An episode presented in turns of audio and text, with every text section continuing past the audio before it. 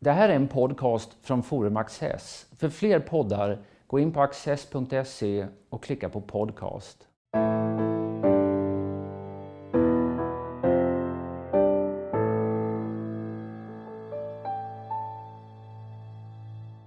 Välkomna till Studio Access. Idag ska vi ta upp ett ämne som bara kommer att bli hetare och intressantare allt eftersom det här valåret fortskrider. Nämligen frågorna omkring opinioner och hur man mäter dem på bästa sätt. Och min gäst idag är David Alin. Du är opinionschef på mätinstitutet Ipsos. Varmt välkommen. Tack så mycket. Har det blivit svårare att mäta opinionen? Det är väl möjligt att det har blivit svårare, och, eh, men därmed inte sagt att, att eh, mätningarna har blivit sämre. Men det som, eh, det som har hänt under en tid är ju att människors vanor och beteenden har, har förändrats i ganska snabb takt. Eh, och det har ju skett tidigare också. Det, menar, det har, ju skett, det har ju varit ett antal stora skiften om man, om man tittar tillbaka. Eh, eh under en lång tid så var det ju eh, den standardmetoden var att besöka människor i människors hem och göra personliga intervjuer. Och sen när det skiftet kom då att man gick till telefonintervjuer så var det ju en enorm debatt om om det var möjligt och om det någonsin skulle kunna ge eh, några korrekta skattningar. Eh, och, Gjorde man det av ekonomiska skäl eller därför att folk inte tyckte om att man kom hem till dem? Ja, det är klart att ekonomi var en eh, stor faktor där. Det var enormt dyrt att, att, ha sådana här organisationer då med eh, människor över hela landet som kunde jobba som intervjuare. Men när det skiftet då skedde på 80-90-talet så, eh, så visade det sig att det fungerade bra att, att också ringa och eh, telefonen var ju liksom en naturlig eh, väg att kontakta hushållet eh, med hemtelefonnummer. Mm. Och sen har det kommit nya förändringar med internet och eh, e-mail och, eh, eh, och när då de här digitala mätningarna, webbenkäter av olika slag började komma på slutet av 90-talet och 00-talet så var det väldigt ifrågasatt och, och, och, och kritiserat. Och idag så har det blivit det normala. Eh, för, för mycket som görs inom research. Så att, eh, och, det vi ser just nu då, det är ju att eh, många människors vanor och beteenden när det, när det handlar om kommunikation är i snabb förändring. Eh, telefonen är inte längre, det är många som inte har hemtelefon. Eh, många svarar inte när det ringer ett främmande nummer utan man använder sin smarta mobil till mycket annat. Till underhållning, läsa nyheter, kommunicera med vänner och bekanta men kanske inte eh, så mycket att, att, bara ringa utan det finns en massa mm. appar för tangentbordskommunikation. Och alla de här förändringarna kräver ju att vi också förändrar våra metoder. Så att eh, det brottas vi med, att, eh, att förstå hur vi ska kontakta respondenter och hur vi ska göra, hur vi ska göra det så att säga, bekvämt och mer anpassat för respondenter. Det är till och med så att många inte svarar om, det, om de inte vet vem det är som ringer. Det blir allt vanligare. Och, eh, eh det, en, en branschkollega till oss, då, Demoskop, presenterade en mätning ganska nyligen som visade att eh, jag tror att det var drygt eh, varannan svarar att, eh, att man, man svarar inte om det ringer ett främmande nummer och ungefär var tredje har installerat en sån här applikation i telefonen som screenar bort mm. okända nummer. Och, eh, så, att det, och, och, så de här olika faktorerna gör att det, det är svårare att nå eh, människor, och framförallt yngre människor. Så det är egentligen två saker som händer. kan man säga att Å ena sidan är det att, att eh, ja, kommunikationsvägarna eh, måste förändras. Och det andra är människors benägenhet att, att liksom ta ett samtal eller svara på en fråga. Att den är olika i olika grupper. Den är olika i olika grupper. Äldre svenskar beter sig fortfarande mer likt eh, eh, tidigare. Det, vi har mycket bättre svarsfrekvenser bland äldre. Eh, det är vanligare att, eh, att man har eh, hemtelefon eller ett, eh, ett abonnemang så att säga, som, som vi kan hitta kontaktuppgifter till. Så att, eh, det finns många olika faktorer. En, en viktig faktor är ju så att säga, täckningen. Hur, hur många, ja, helst skulle vi vilja kunna kontakta alla i, i en population, då, till exempel röstberättigade väljare. Och eh, när vi köper urval och försöker eh, så att säga, matcha på då, kontaktuppgifter så lyckas vi ganska väl med ja, svenskar över 50. Vi, kan, vi får en bra täckning mm. med, med kontaktuppgifter. Men de yngre, där når vi vi hittar kontaktuppgifter, om vi tar under, under 25 så hittar vi kontaktuppgifter till ungefär eh, 25 procent av urvalet. Resten hittar vi inga kontaktuppgifter till. Så de har ingen chans att eh, komma med eh, när vi börjar undersökningen. Och då finns det någon debatt här. Du, du säger att, att eh, nätbaserade frågor eh, fungerar eh, precis som telefonbaserade frågor har, eh, har gjort tidigare. Men visst finns det en debatt om det här. Man kallar det för självrekryterade paneler när folk mm. får anmäla sig och tala om att de gärna svarar på frågor. En del tycker det är en knepig metod. Ja, eh, nej men det är ju många saker att hålla reda på här. Om vi börjar med till exempel eh, telefon då, så fungerar telefon fortfarande bra. Det fungerar utmärkt eh, att kontakta äldre svenskar och därför så fortsätter vi använda telefon Eh, för att vi vill nå äldre svenskar och eh, svenskar från alla bakgrunder, eh, även personer som inte sitter så mycket vid datorer och kanske har jobbat i yrken där man jobbade med dator och sådär. Ehm, men sen så ser vi att det är också viktigt att försöka hitta vägar då att nå yngre. Vi har till exempel börjat testa att, att skicka sms i förväg till de mobilnummer som vi avser att ringa mm. för att, eh, så att säga, ge information till respondenten att, att det är vi som hör av oss. De ska, få, de ska känna sig trygga med att det är ett okänt nummer men de ska få information om vem det är som försöker kontakta dem. och det är ju ett sätt då att, så att säga, möta de här utmaningarna att, att många väljer att inte svara när det ringer ett, ett okänt nummer utan man väntar på ett meddelande kanske istället. Mm. Men tycker du att ni lyckas eh, kalibrera alla de här eh, utmaningarna på ett sätt? För jag, jag antar att man kan behöva kompensera för bortfall och sånt här på ett sätt som gör att ja, som, som eh, kräver erfarenhet och skicklighet. Ja. Är, är branschen bra på det? Ja, men det görs ju många spännande försök just nu och eh, det har väl aldrig varit så funnits så många sätt som används samtidigt. Det är en annan stor förändring och det är väl det som det gör det åtminstone krångligare då för intresserade läsare och tittare att, eh, att förstå, förstå hur de här olika undersökningarna går till. Eh, och, eh, så just nu då så har vi ju några institut som jobbar med telefonintervjuer andra som, jobbar, andra som oss som jobbar, och Sifo till exempel, som jobbar både med telefonintervjuer och digitala intervjuer. Och sen har vi ett antal företag som jobbar helt digitalt. Eh, och, eh, och sen då som du nämnde alldeles nyss, de här olika typerna av paneler som finns. Mm. Där är det också stora skillnader. Då. Eh, om vi tar till exempel Sifo och Ipsos som exempel så jobbar vi med, då kallas det slumpmässigt rekryterade paneler och det betyder att de här panelerna, så att säga, rekryteringen av respondenter till de här panelerna sker via oftast då telefonundersökningar med slumpmässigt urval. Så att då finns den här slumpkomponenten med och det, man kan inte anmäla sig själv och det är styrt så att säga. Och sen eh, en del andra branschkollegor har upp, annan typ av rekrytering där, där man kan anmäla sig själv. Aftonbladet till exempel annonserar ju och skriver eh, under nästan alla sina politikartiklar och försöker få folk att gå med i, i den panel som de samarbetar med. Eh, så att eh, det där har också betydelse. Man kan ju notera att när det gäller eh, dess rätt stora spännvidder i mätningarna nu, mm. att en del har konsekvent vissa partier lågt, en del har konsekvent vissa partier högt. Så här, är det de här metodfrågorna som ligger bakom det? Jo, men det är det ju såklart. Ja. Och, så, att, så som jag sa så är det ju en väldig mångfald nu helt enkelt av metoder som används och det är svårt för en liksom, normalintresserad intresserad eh, medborgare att, att, ha koll på allt det här och de flesta journalister har ju inte heller det. Eh, och sen så när vi tittar på resultaten då, så spretar ju mätningarna väldigt mycket. Och det spretar ju särskilt mycket när det gäller då skattningarna av Socialdemokraternas stöd och Sverigedemokraternas stöd.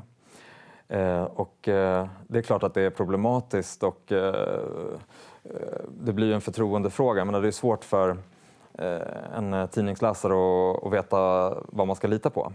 Om, det, om SCB e till exempel säger att stödet för Socialdemokraterna är 33 procent och sen säger uh, YouGov och uh, Metro att, det kanske, att stödet kanske är 24 procent. Mm. Det är ju en väldig skillnad. Så att, uh, men, men, så, så, så, så, så, så Men enskilda institut ska man egentligen bara jämföra med sig själva över tid då?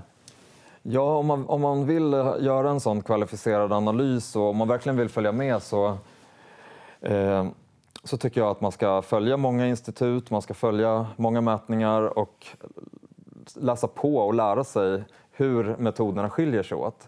Och en, en enkel men viktig skillnad är ju att eh, om vi talar om partiernas stöd, att Socialdemokraterna har ju ett starkt stöd bland äldre väljare. Eh, och, framför, och, och, och, i synnerhet då äldre väljare som, eh, ja, kommer, från, eh, man kanske, som kommer från arbetaryrken, eh, LO-kollektivet, eh, kanske yrken där man inte har jobbat så mycket och suttit framför dator hela tiden.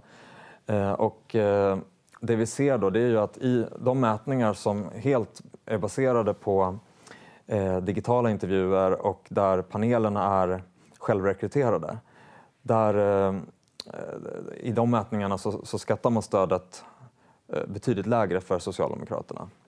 Eh, så att det, och det, kan vara, det kan vara värt att känna till. Det är, jag, jag tror att det handlar mycket om det, att man, man når inte vissa delar av befolkningen.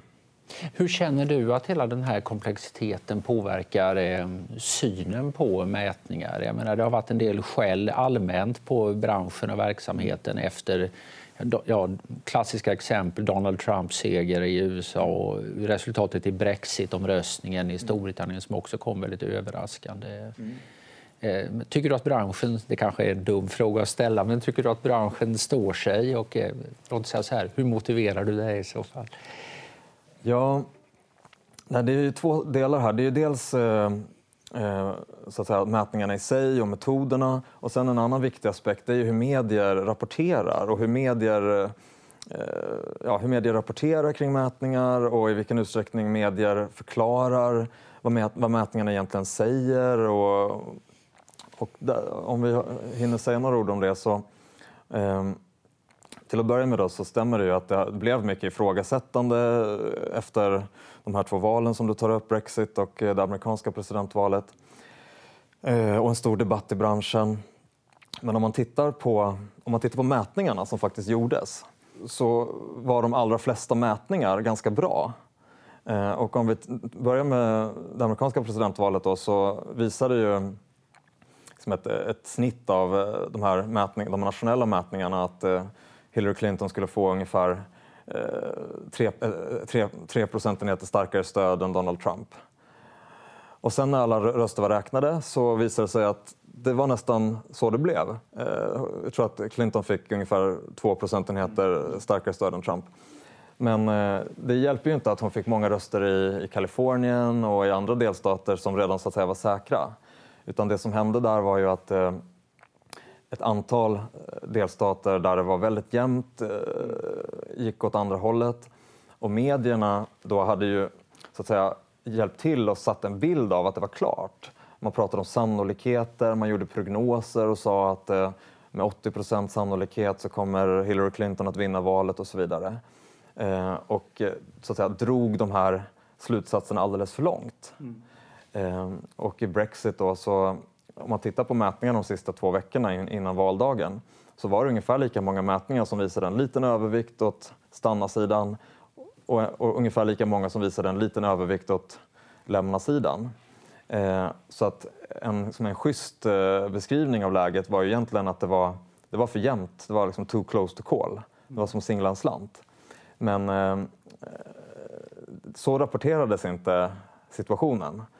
Eh, utan, eh, så det är också en viktig aspekt att, eh, och en lärdom för medier att, att ta ansvar för hur man rapporterar och, och hur man så att säga, beskriver vad mätningarna säger. Ja, för det är klart att det är ju ofta så man säger chocksiffrorna på löpsedeln visar sig ändå ligga inom den statistiska felmarginalen när man väl läser artiklarna i tidningen. Så, så är det ofta. Skäller du ofta på dina uppdragsgivare när de har publicerat sådana artiklar? Nej.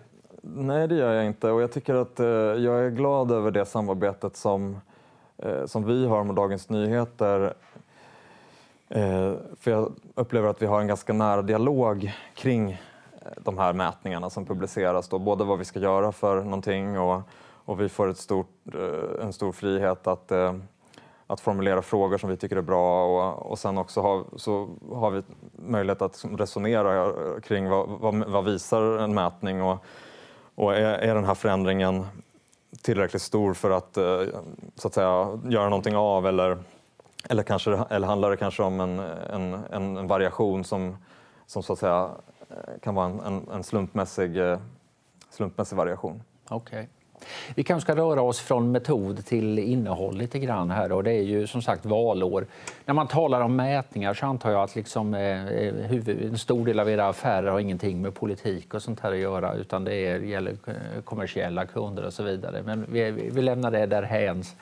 Ehm, men, men, lite bredare å andra sidan än bara själva partisympatierna. Så här, om man då tänker synen på samhälle, sociala frågor, politiska frågor i vid mening. Vad, vad kan man säga med allmänt om stämningsläget i Sverige just nu, fyra månader före valet? Mm. Ja, det, just nu så kanske man kan säga att det, eh, att det ändå finns lite mer optimism än vad det gjorde alldeles eh, de närmaste åren. Mm. Efter, under 2015 och efter 2015 så fanns det eh, mer av en stämning att, eh, så att säga, saker och ting gick åt fel håll, att regeringen hade tappat kontrollen, liksom att, eh, att samhället... Det var ännu fler som tyckte att utvecklingen i landet gick åt fel håll. Mm. Det där har vänt lite grann, men det är fortfarande en hög andel, om man tittar och jämför tillbaka i tiden, som tycker att utvecklingen i landet går åt fel håll. Sen så finns det ju andra indikatorer. Det är ökad ekonomisk optimism. Det är fler som tycker att eh, ekonomin i landet eh, går åt rätt håll. Eh, sen har vi en eh, delvis ny mix av frågor då, eh, som, som gör att det här valåret skiljer sig från, eh, från många tidigare val, valår och valrörelser där invandring och integration eh, är viktigare jag tittar man på såna här klassiska svenska valfrågor, ekonomin och jobben och sånt här, det ligger väldigt lågt nu i, ja. i de flesta jag mätningar. Jag lyssnade på eh, SOM-institutets presentation igår av den nationella SOM-undersökningen. Och, det är statsvetarna nere i Göteborg. Precis, ja. precis. och eh, så, de visade ju det att eh, Eh, Eh, som du nämner, då, eh, alltså, ekonomi, eh, sysselsättning ligger väldigt lågt bland de prioriterade valfrågorna. Så det, det, som, det som är nytt är att invandring och integration ligger bland de mest prioriterade frågorna. Även frågor kring brottslighet, lag och ordning prioriteras av fler, även om de frågorna har varit viktiga även tidigare, eh, på 90-talet till exempel. Eh, det som är likt eh, tidigare val är att sjuk sjukvården är en viktig fråga. Skolan, så var det även för fyra år sedan.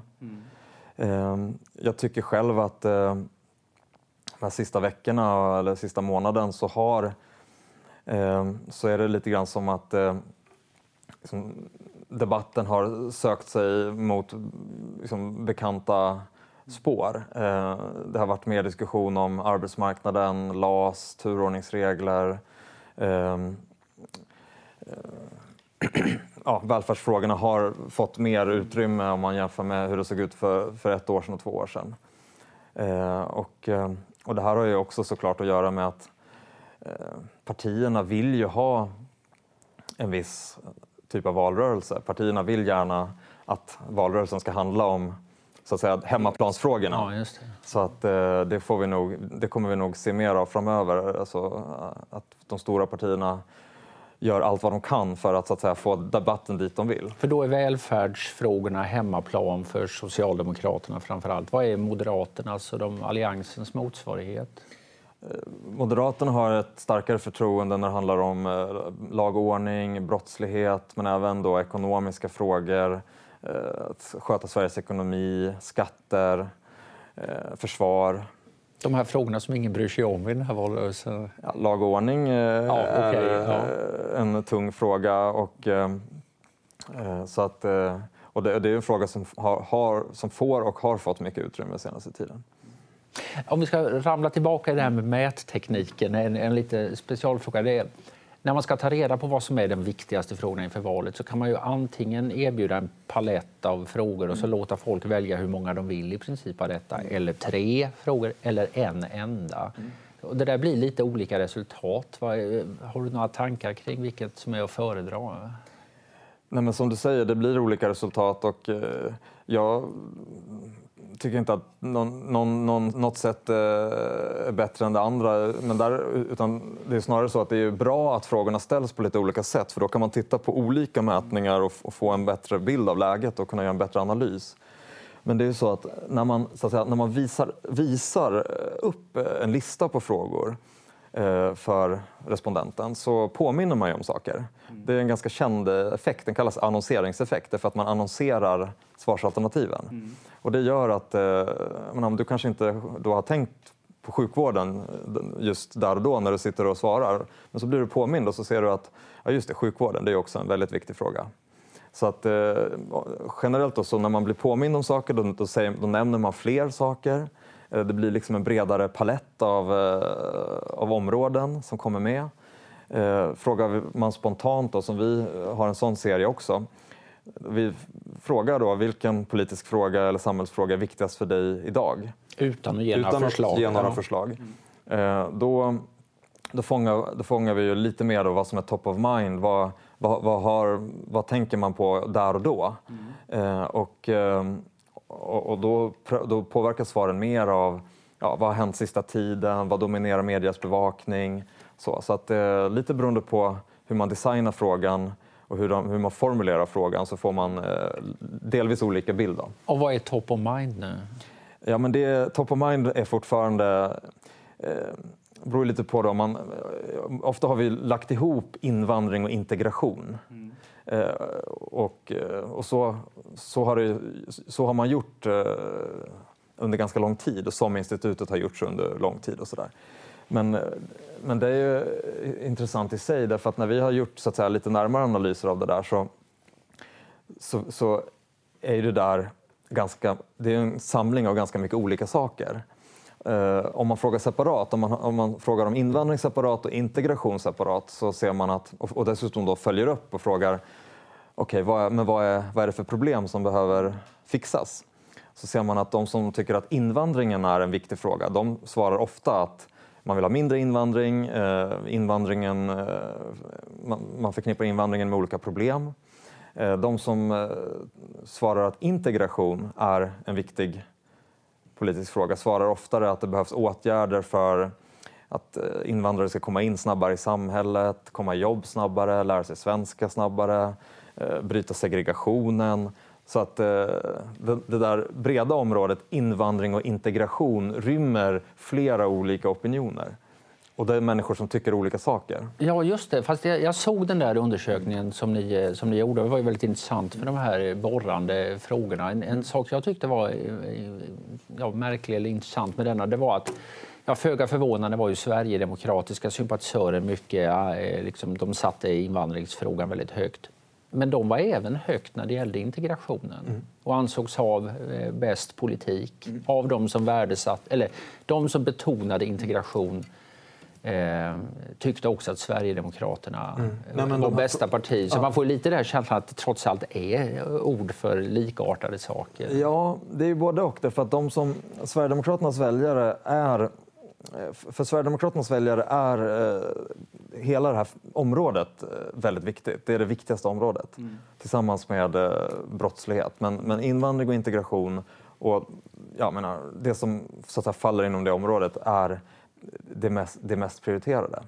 Så att det, det hänger ihop på det sättet. Vi har nu eh, eh, många frågor kvar och få minuter. Men, eh, men säg så här att, att eh, när man tittar på en sån mätningarnas mätning när man lägger ihop flera olika eh, institut eh, och siffrorna för mars då har man i princip lika ställning mellan de två blocken. Eh, eh, som man kan dividera om hur relevant det är. Men, det, men i alla fall, allianspartierna de fyra, eh, ungefär 40, S, MP, V ungefär 40, Sverigedemokraterna 17 tror jag. Ehm, så ligger det till nu. Ehm, jag ber inte dig att spå vad som ska hända, men, men vad brukar hända i, i ehm, slutskedet av valrörelser? Brukar man se stora opinionsrörelser eller brukar det ligga rätt stabilt sista tiden? Det beror ju lite på... Eh, jag menar, det finns exempel på både och, verkligen. Mm. Eh, och, eh, ja, vi har 2002 till exempel så skedde det ju stora rörelser eh, mot slutet då när Moderaterna tappade och Folkpartiet mm. fick eh, Men det är då stora uppsving. rörelser inom respektive block. Precis. Kan det också börja röra sig mellan de här tre blocken får man väl då tala om. Ja. Om man tittar till historien så finns det inte några så, så, finns det inte jättemycket som talar för, för det. Eh, men eh, samtidigt då, många, många val i Europa på senare tid har eh, gett eh, delvis överraskande valresultat. Vi vet eh, av eh, att, att svenska väljare har blivit rörligare, bestämmer sig senare. Det är fler och fler som byter parti mellan val. Eh, vi har haft ganska stora rörelser mellan, eh, men framförallt på den borgerliga sidan, eh, under den här mandatperioden. Så att det är alltid svårt att, eh, att spå framåt. Men, men, det, men, det, men det syns på, på, många olika sätt så, så syns det att, det att det finns en, en, en rörlighet, en ganska stor rörlighet i väljarkåren. Eh, däremot så har ju den, den, huvuddelen av den här rörligheten har ju skett, eh, inte över blockgränsen utan eh, så att säga inom. Så ska man gå på historiska data så kommer det att bli ett jämnt val mellan, eh, mellan de stora ja, blocken? Eller åtminstone, så kan, om man tittar bakåt och försöker dra slutsatser framåt så, eh, så kan det mycket väl bli så att, eh, att den här balansen så att, säga, att, den, att den håller i sig mer eller mindre fram till valdagen. Men att det i så fall kan, kanske, kan ske mer eh, inom blocken. All right. David Alin, stort tack för att du har varit med oss. Och tack för att ni har tittat.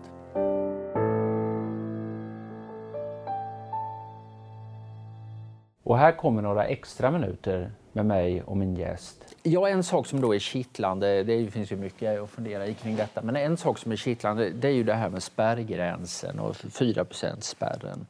Ehm, det var ju länge sedan någon, eh, eh, något parti eh, åkte ur riksdagen. Ehm, ser du en seriös risk eller chans för att det ska hända den här gången? Ja, det tycker jag man måste säga att, att, att det finns eh, risk för det. Vi har försökt eh, ställa frågor även om det här och eh, sett att eh, det finns ju betydligt fler på den borgerliga sidan som kan tänka sig att, eh, att rösta taktiskt. Och, eh, och då är det många som nämner Kristdemokraterna. Mm.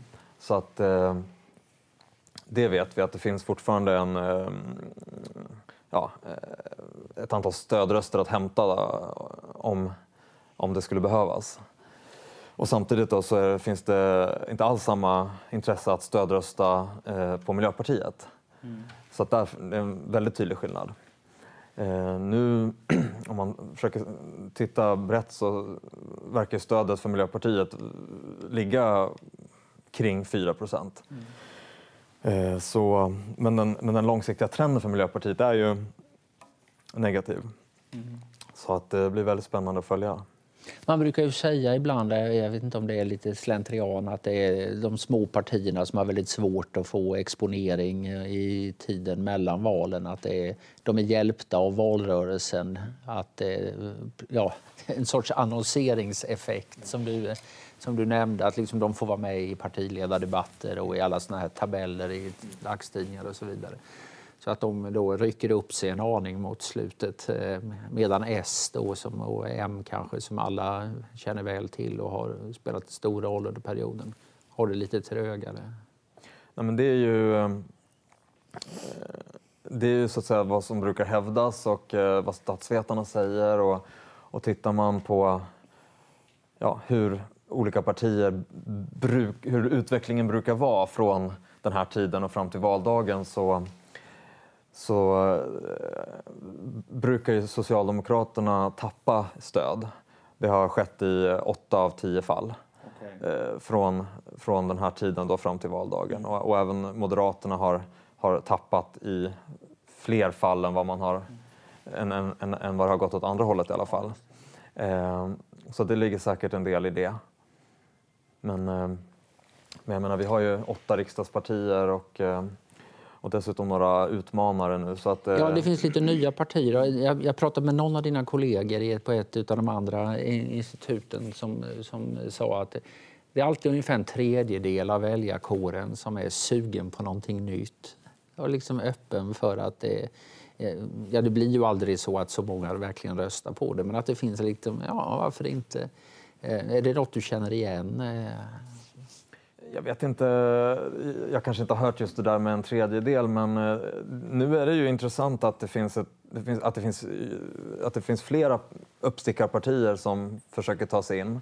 Men, men det, det parti som hittills då fortfarande har ett stöd som ja, är tydligt, det är Feministiskt initiativ som, som har ett stabilt stöd strax under 2 procent. Mm. Och sen har vi de här då, Medborgerlig Samling, eh, Piratpartiet, eh, Landsbygdspartiet eh, och sen mars så syns även då de här Alternativ för Sverige. Men det är ju det är ett fåtal svar i varje mätning. Det är de här utbrytarna ur Sverigedemokraterna Precis, kan man säga. Ja, är, är, de mät registrerar ja, din jag seismograf närmare, jag, jag tittade närmare på det här ja. när här frågan så att säga, aktualiserades och just det här senaste exemplet, Alternativ för Sverige, eh, nämndes inte av någon eh, i januari eller i februari och sen var det fyra, fem respondenter då, av 1800 drygt som nämnde dem eh, i mars. Okay. Så, att, så stödet för de här små partierna är ju, om man ska uttrycka det i procent, det handlar om någon eller några tiondelars procent. Så att det är ju knappt mätbart jämfört med Feministiskt initiativ som stabilt ligger eh, kring eller strax under 2 All right. En sak jag tänkt på, är det, tycker du att det är någonting som borde mätas men som aldrig blir mätt? Mm. Där det inte finns några eh, kunder som är intresserade? Eller där ja. det... Nej, men ofta, så, ofta utbryter det debatter om om man har ställt en viss fråga rätt och, och, eller om det är fel på frågan och så vidare. Och det där, och ofta är det så att det är en ganska så fruktlös debatt därför att det går liksom inte att ställa en fråga om ett ämne och få eh, alla svar. Utan jag, jag tycker om när vi får möjlighet att ställa ett större batteri frågor om samma ämne och göra temamätningar. Mm. Och, eh, där, och, och, vi gjorde ju en sån här, häromveckan, eller presenterade en sån häromveckan om invandring och integration. Men där tycker jag ju att det vore kul att se fler sådana mätningar i fler aktuella ämnen. Det finns många exempel. Då. Det har liksom debatterats många gånger om, om, om, om, en viss fråga, till exempel om, när det handlar om vinster i välfärden och så vidare. Om, om frågan är rätt eller om frågan borde ha ställts på ett annat sätt. Men sanningen är kanske att man, borde, kanske, man kanske behöver ställa tio frågor om samma ämne för att eh, kunna säga någonting eh, klokt om om den opinionen och eh, hur sammansatt den är och sådär. Ja, för det där sista är inte minst viktigt att det är, det är liksom inte alla människor, och inte jag heller, som går omkring och har per, perfekt uttänkta åsikter om alla frågor utan ibland blir folk förvirrade av att opinionerna inte är ens, ja, enstämmiga och tydliga och begripliga och sånt där. Men, men det är väl så vi är liksom, att det, man, mm. man kan fundera på samma eh, fråga på ganska olika sätt. Ofta ställs ju frågor om saker som människor inte har eh, tänkt så mycket på. Mm. Man kan ju tala om om en opinion är mogen eller omogen och ofta ställer vi och andra frågor om saker där opinionen är väldigt omogen. De allra flesta har inte tänkt på frågan och, och har inte satt sig in i frågan och har inte reflekterat. Mm. Eh, och eh, då säger ju inte svaren så mycket heller utan då får man ju en liksom, vag eh, riktning bara. Mm. Sådär. Ehm, så det är också värt att tänka på faktiskt ibland om man ser en undersökning i ett ämne. Så kan man kanske kan man ställa sig frågan, har jag själv tänkt på vad jag tycker i den här frågan? Ehm, ofta har man inte det. Mm. Det ligger mycket i detta. David, stort tack för att du har varit med. Tack så mycket.